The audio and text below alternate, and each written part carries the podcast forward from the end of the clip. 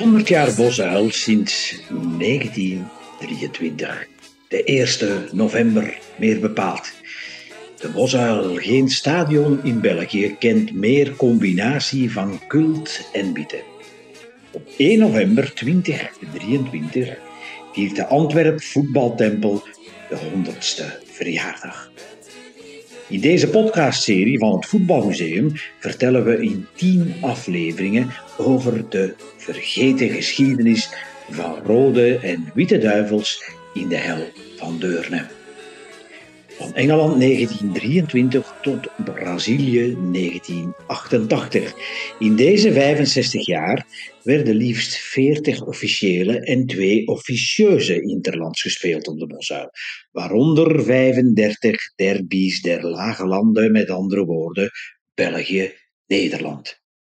En met tussendoor als klapstuk ook de halve finale van het Europees kampioenschap voor landenploegen in 1972 tegen West-Duitsland voor een record van meer dan 60.000 kijkers.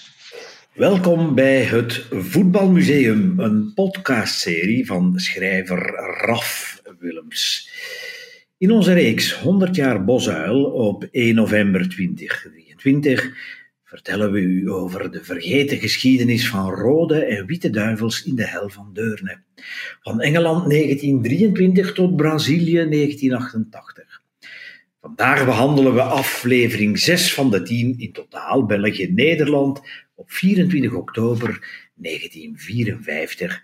Eindstand 4-3 voor 47.000 toeschouwers. Dat was dus altijd uitverkocht. Met als uitblinker voor de derde keer op rij Riek Koppens, die weer twee goals maakte na de 4-2 in 52 en de 4-0 in april 54. Nu ook twee in de 4-3 op 24 oktober 54 dus.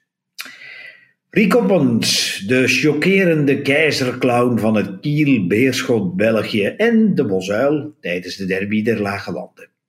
In zijn beste jaren tussen 1950 en 1955 begeerde internationale Milaan, Napoli, FC Barcelona en Espanyol de zogenaamde koning van het crochet.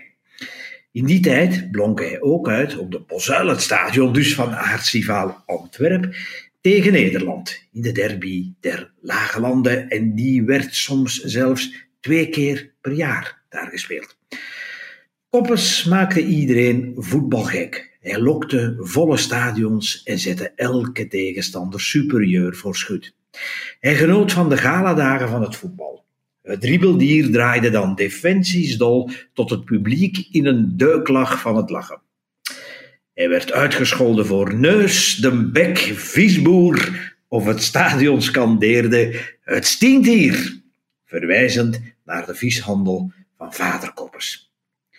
Vervolgens schermde hij schertsend met zijn achterwerk de bal af, tikte zijn tegenstanders tot drie keer toe uit, dribbelde op de doelman af en wachtte tot hij opstond om dan pas te scoren. Hij maakte goals met zijn hak en wees vooraf de hoek aan waarin hij zijn strafschop zou trappen. Hij trok vieze gezichten naar de scheidsrechters, omdat, ik citeer hem, ik het publiek wilde vermaken, allergisch was voor dwang en gewoon graag de clown uithing. Einde citaat. Koppers hield van jazz en hij droeg dat ook op het veld uit en daarom noemde men hem de Paganini van het voetbal. Swing, ritme, improvisatie, treiterend, speels, inefficiënt, bebop, beerschot. Hij droeg witte bakken met smalle broekspijpen, doerde vanaf het begin van de jaren 50 door de stad met een Cadillac of een andere Amerikaanse slee en hij zocht de bruine kroegen op. De individualist sang won enkel persoonlijke bekroningen. De eerste gouden schoen of enkele keren topschutter van de Belgische competitie. Men was voor Koppens of voor het kampioenschap. Zo pondeerde hij het zelf, want hij won inderdaad geen enkele titel met Beerschot. Zijn frivolste capriolen reserveerde hij voor de derby tegen Dollanders, zoals hij dat kon noemen, bij voorkeur op de Boszaal.